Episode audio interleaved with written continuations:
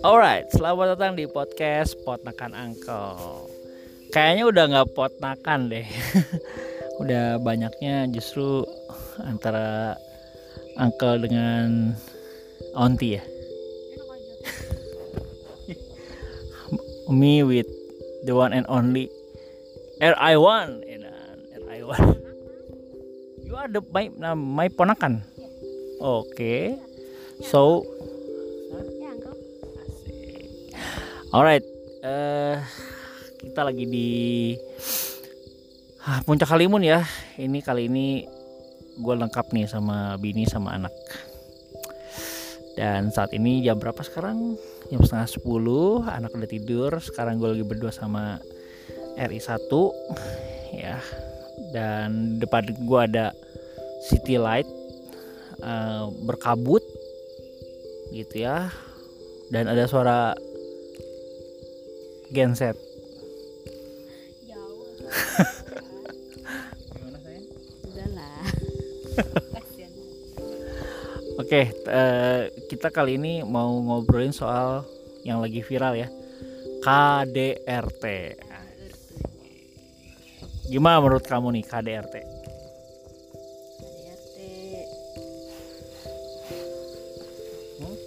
Dulu deh. Ya KDRT kan ini ada kasus banyak kasus sebetulnya ya KDRT nggak cuma soal si Lesbil Lesti Bilar doang nih, banyak juga yang lain-lain Viral karena yang terjadi di di public figure. public figure yang banyak fansnya. Terus kelihatannya bucin to each Hmm. other. Hmm, Tapi kan ternyata, Ternyata- oh ternyata ya kan. wadidaw. Jadi sebetulnya eh, apa pun alasannya menurut kamu nggak boleh KDRT? Enggak. Karena itu sudah mengancam nyawa ya. Maksudnya kan KDRT itu bentuknya sekarang deh kita apa sih KDRT itu Kekerasan. dalam rumah tangga kan? Kekerasan dalam rumah tangga KDRT yang dilakukan oleh baik itu sang pria maupun sang wanita. Hmm. Ada kok kejadian yang wanita kan? Oke, ada juga kejadian. Jadi KDRT tidak cuma si cowok itu mukul si ceweknya. Hmm. Ada kan yang viral juga siapa teh? Ada cewek juga yang ngeaniaya cowoknya. Itu cowok gimana sih? Si itu. Si Johnny Depp. Oh, Johnny Depp. Yes, yes. Hmm, cewek. KDRT oh ya pihak ceweknya ya. Ceweknya yang KDRT. Oke, oke, oke. Jadi sebetulnya untuk menghindari itu kan banyak faktor sih. Kamu bilang tadi em, di belakang di backstage tadi kamu bilang kan sebelum podcast podcast ini dimulai kan kamu udah bilang kan KDRT bisa terlihat sejak masih pacaran. Sebenarnya sebenarnya sebenarnya kalau orang emang berpotensi untuk KDRT di saat dia sudah menikah menurut aku ya pribadi ya sebenarnya harusnya. Kalau membuka mata lebar-lebar di saat lagi pacaran seharusnya kelihatan. Ada potensi itu.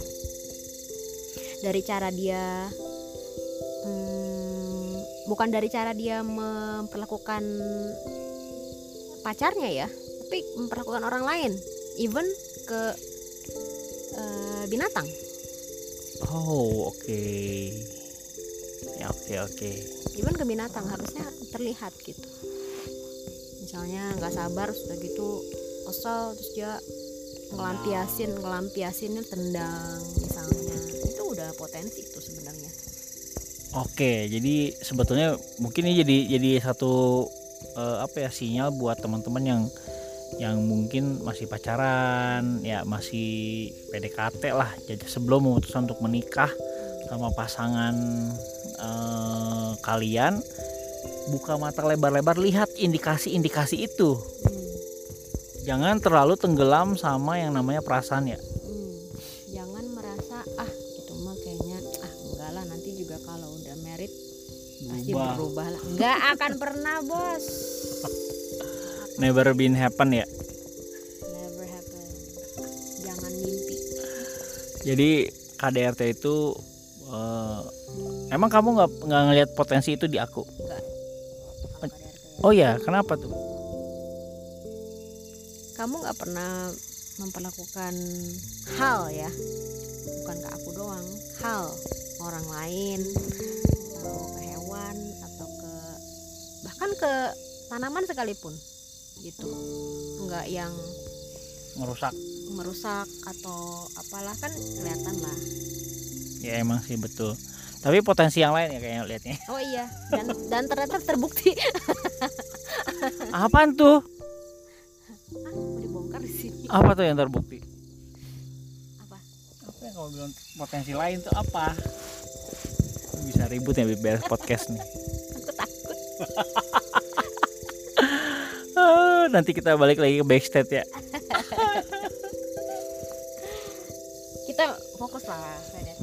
Oke KDRT baik.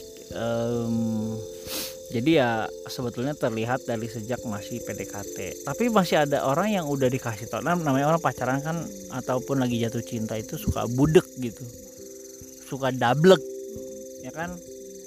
Pokoknya bener-bener bonge lah. Bonge, bonge itu budek kan. Kalau di Sunda mah bonge sih ya. Nah itu budek. Dibilang di kampung mah dibilangnya bonge. Conge conge congean tuh kayak ya itu ada binatang. Congean tuh kayak keluar keluar apa lendir-lendir dari telinga. Itu itu beneran loh bukannya aku. Kayak ada abses gitu di telinganya. Ih, bisa ngomongin yang lain nggak? Coba kamu cek deh conge. Conge itu budek. Iya tau gak kenapa kamu di conge itu dibilang budak karena kan ada lendir-lendir ih beneran masa sih ih abses keluar nanah gitu di Emang nggak tahu Ih, kamu mah. Beneran serius. Coba ya teman-teman ya, kalau kalian dengar coba cek di Google. Conge itu kalau di Sunda co- siapa conge atau siapa bonge gitu ngomongnya. oh gitu Iya di kampung. Aku kan orang kampung. Makanya kamu gaul kira bukan jalan di kota mulu. ini gaul sama kamu Yes, aku oh, gaul sama orang kampung ya. lagi. Nah, jadi KDRT itu potensinya udah ada sejak maksud PDKT. Jadi Harusnya ha- ya. kelihatan lah gitu.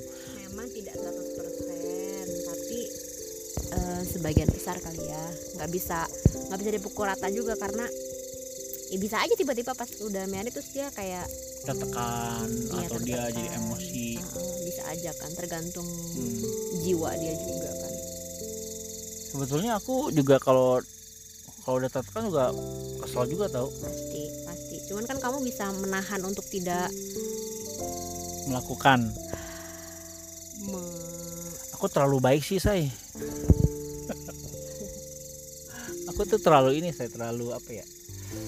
Terlalu eh, apa? Dulu mah dibilangnya terlalu alim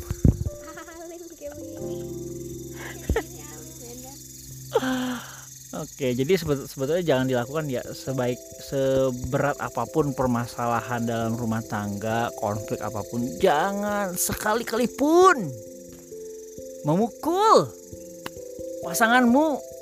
Jangan lebih baik kalau misalnya emang emosi mungkin eh, pukul tetanggamu. dodol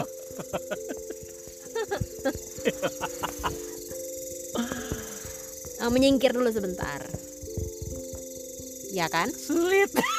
oh kamu Sulit. begitu kamu begitu justru aku kadang eh, nggak suka suka tidak menerima itu misalnya kayak misalnya lagi dulu gitu misalnya Iya, kayak iya, ribut iya. kan kamu yang suka Aku, cabut kan Iya kan? Mendingan gitu daripada aku Nah, mukul. iya, nanti dulu makanya dulu aku rada apaan sih jadi lari gitu bukannya diselesaikan gitu kan tapi setelah aku pikir-pikir iya ya maksudnya emangnya harus di cool down dulu dong untuk diomongin lagi bener kan? Hmm, harusnya memang begitu.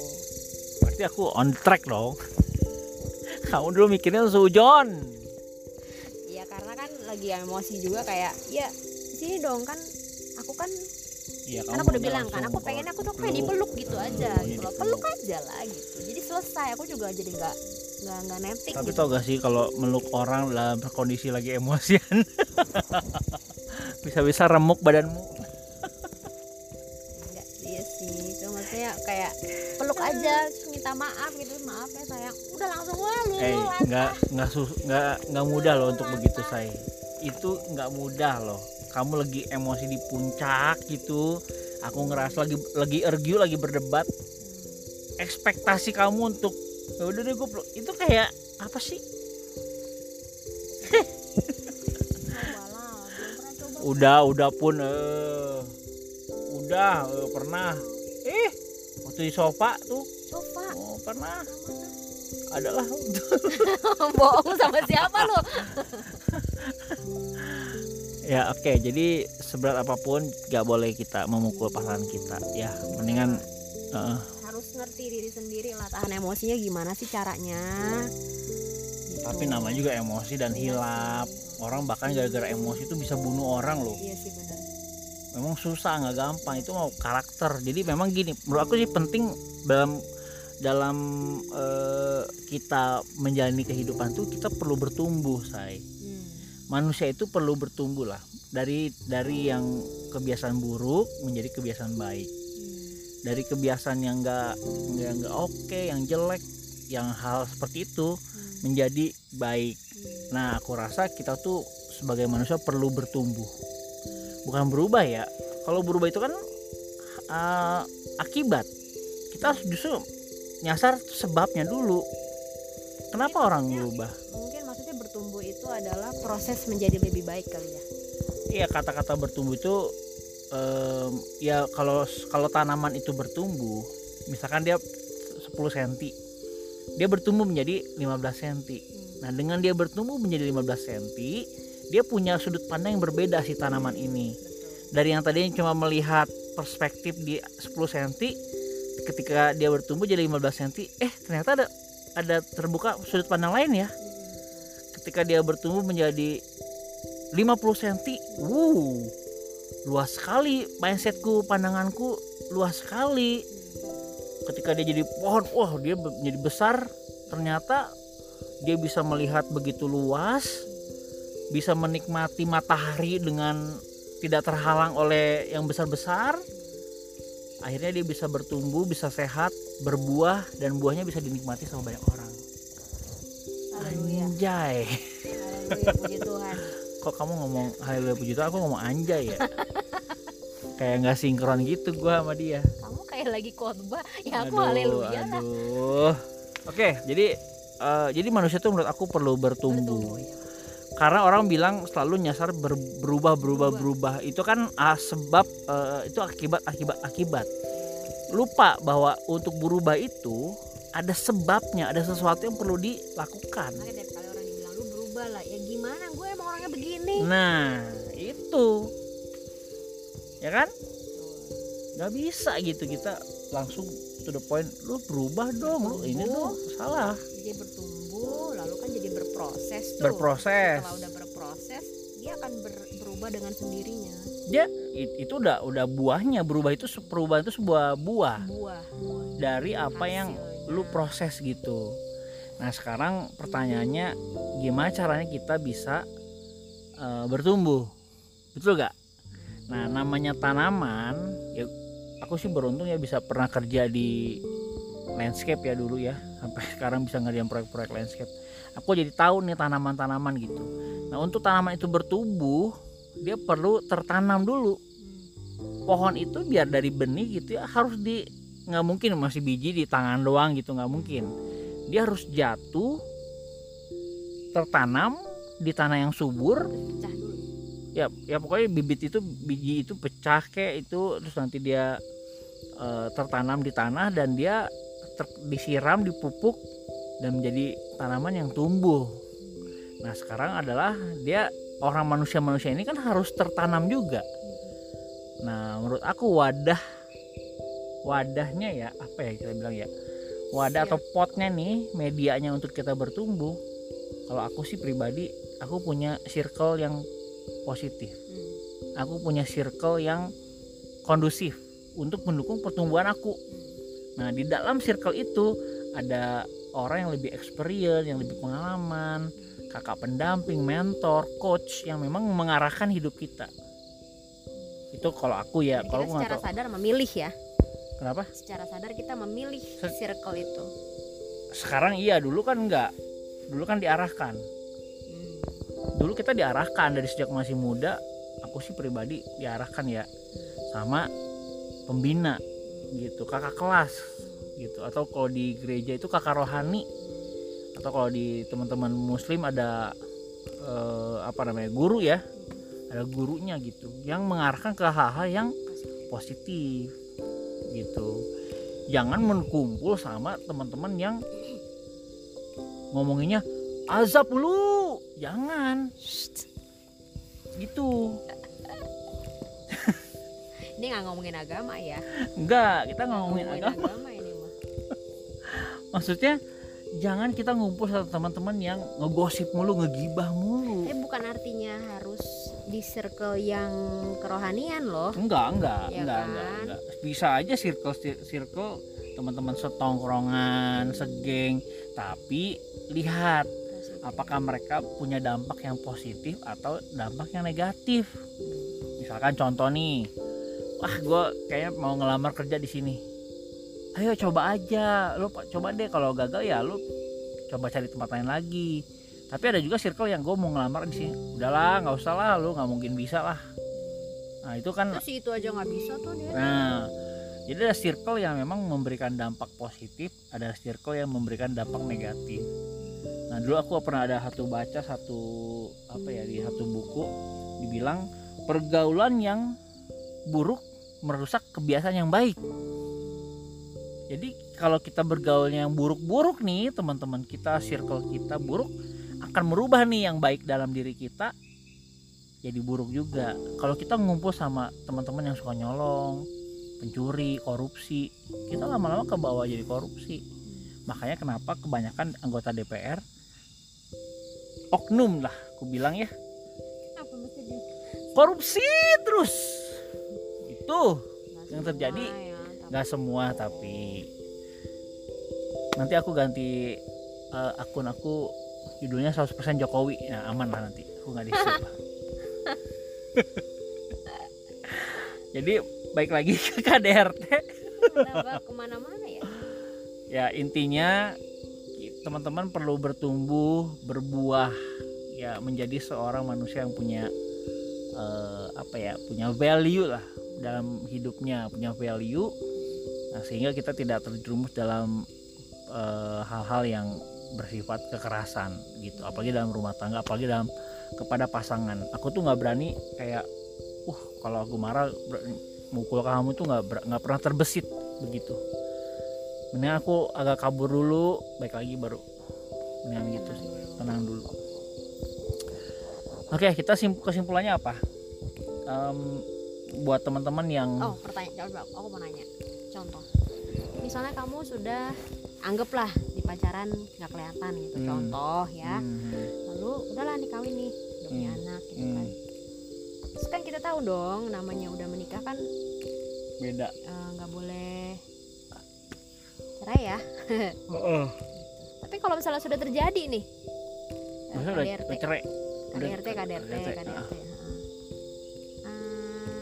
gimana?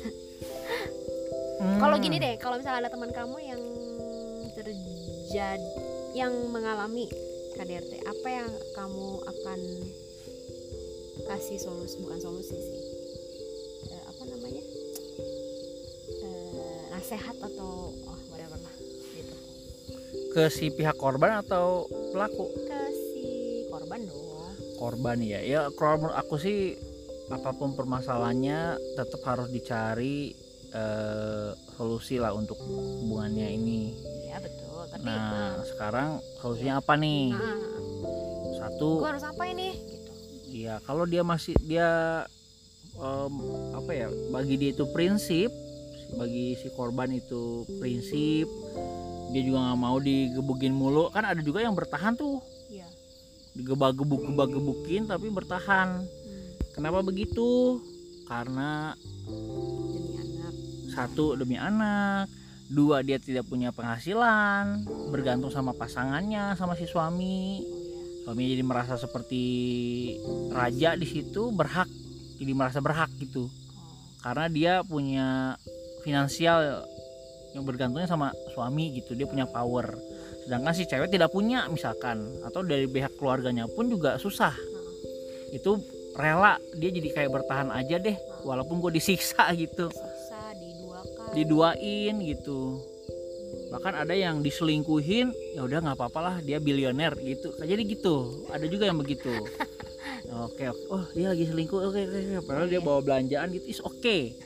Gitu karena dia tidak punya kemandirian secara finansial banyak faktor. Nah, tapi terlepas dari itu semua terlepas dari itu semua eh, aku sih akan menyarankan ya itu di di di, di breakdown dulu nih kira-kira di titik mana dia bisa memaafkan oke sekali dia ngalamin dua kali dia masih di- terjadi juga tiga Oh, oke, kali oke.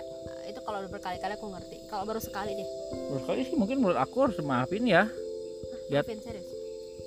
menurut aku sih ya karena si kita kan nggak tahu nih kronologi dan sebab akib eh, penyebabnya apa aku juga nggak tahu kan Hmm. kalau itu yang prinsip ataupun apa ya mungkin juga si cowoknya hilaf juga atau dia nggak aduh kelewatan gitu terlalu ini dan dia minta maaf nggak mau mengulanginya lagi dia berjanji ya udah kita maafin dong dia udah minta maaf maafin lah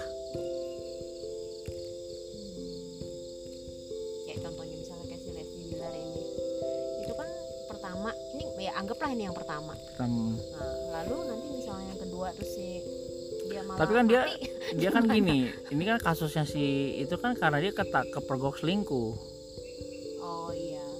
ya ini beda nih kalau dia keper- kepergok selingkuh kalau aku jadi Lesti ya Eh begitu ya seringnya begitu gimana sih? Kalau Ya. misalnya selingkuh eh malah dia yang marah. ya dia mungkin nggak terima atau apalah gimana tapi kalau aku jadi Lesti nih aku jadi Lesti aku sih bakal pisah ada Cabut. aku mah. aku tidak mengusung konsep itu soalnya konsep Tidak boleh bercerai. mm-mm.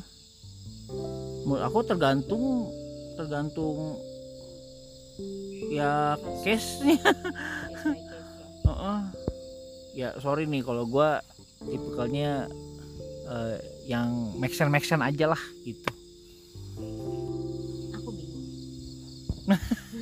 nggak tahu aku sendiri nggak bisa jawab. aku sih kalau jadi Lesti ikut tinggalin lah si Bilar. Orang Bilar tanpa Lesti kan bukan siapa-siapa. Hai. ya udahlah kita aja lah ya. Gitu. udah serius. Udah cukup ya. Cukup lah. Kayaknya curcol kita malam ini ngobrol-obrolan yang semoga puguh ya. Semoga puguh. Mana nih kok nggak bisa ini semoga puguh tuh semoga bermanfaat maksudnya. Puguh. Oke. udah ini ada suara-suara burung hantu awal ada burung hantu ya suaranya dan dingin juga oke kayak gue mau tutup dulu em, podcast kali ini topik KDRT ya jadi semoga teman-teman ambil hikmahnya. Kalau ada yang positif dari podcast ini ya diambil lah. Kalau nggak ada ya udahlah nggak usah diambil lewatin aja ya. Eh, kalau lu suka atau denger podcast ini coba lu screenshot atau lu share ke instastory dan tag gua di unclejokopi.id thank you gitu aja gua rasa. Dan sebagai penutup gua akan infoin ada workshop tanggal 30 Circle baru. ada workshop tanggal 30 Oktober ya. Eh, itu salah satu circle yang positif menurut menurut gua ya. Karena di situ lu akan bergabung sama owner-owner coffee shop yang punya value turunannya dari Uncle Joe ya walaupun nggak semuanya eh, jadi gitu ya tapi gue bisa garansi komunitas ini punya dampak yang positif buat lo yakin gue karena gue udah empat tahun menjalan eh, membangun komunitas ini dan gue udah melihat hasilnya ya. Tanggal 30 Oktober buat informasi lebih jelasnya bisa dicek di unclejokopi.id gitu aja sampai ketemu di podcast pendatang. Bye bye